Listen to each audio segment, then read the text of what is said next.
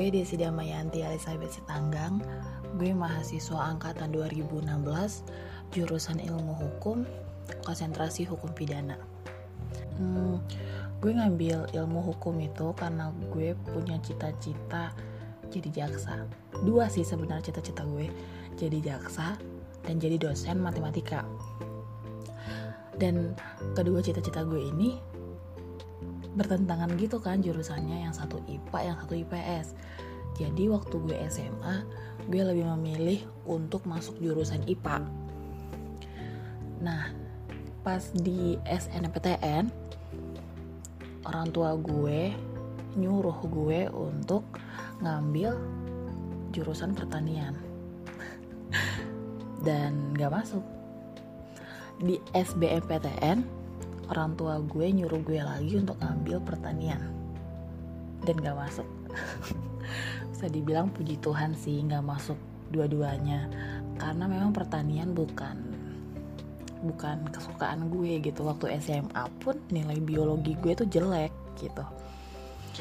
Nah eh, cita-cita gue menjadi dosen matematika itu gue tuh kepengen kuliahnya di Universitas Negeri Jakarta tapi nggak dikasih.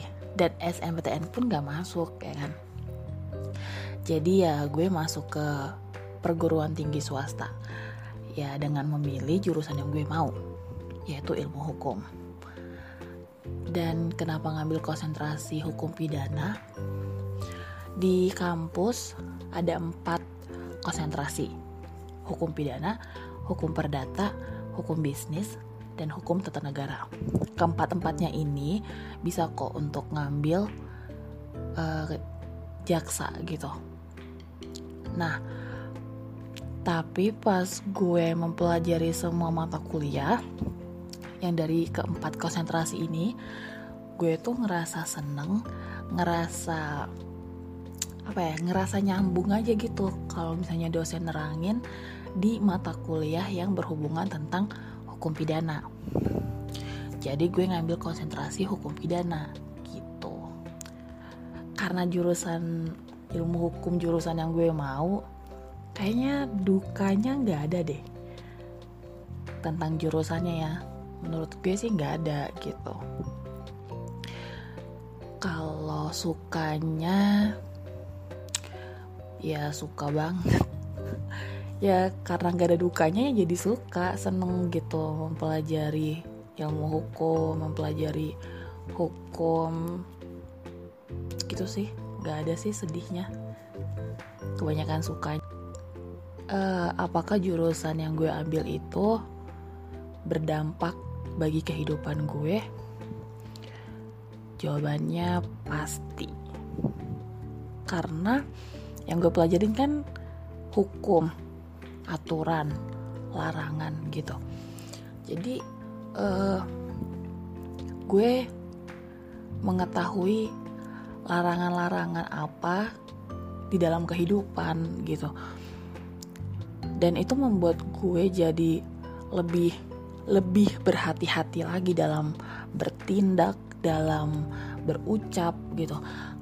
Ya contoh waktu SMA mungkin gue nggak tahu ada undang-undang ITE gitu. Padahal gue udah make sosmed udah dari SMP dan pas kuliah ya padahal sih sebenarnya ITE udah lama gitu keluarkan 2000 ITE itu undang-undang 2008 uh, jadi sebenarnya udah tahu sih gitu secara umum kalau kita tuh nggak boleh ngatain orang gitu ya kan. Tapi kan setelah gue mempelajari undang-undang di atau hukum pengaturan di kuliah gue di jurusan gue gue jadi lebih tahu lebih detail lagi gitu. Dan itu yang menjadi gue jadi lebih berhati-hati juga menggunakan sosmed gitu. Itu sih dan yang kedua tuh sebenarnya dampaknya itu lebih ke hmm, cara berpikir. Tadi kan berperilaku. Ini secara secara berpikir gue itu jadi lebih luas. Itu sih. Lebih luas melihat suatu pengaturan yang bahkan uh, gue kan lagi nyusun skripsi. Yang bahkan itu ya lucu juga sih pengaturan punya kita itu sih. Oke sekian cerita gue.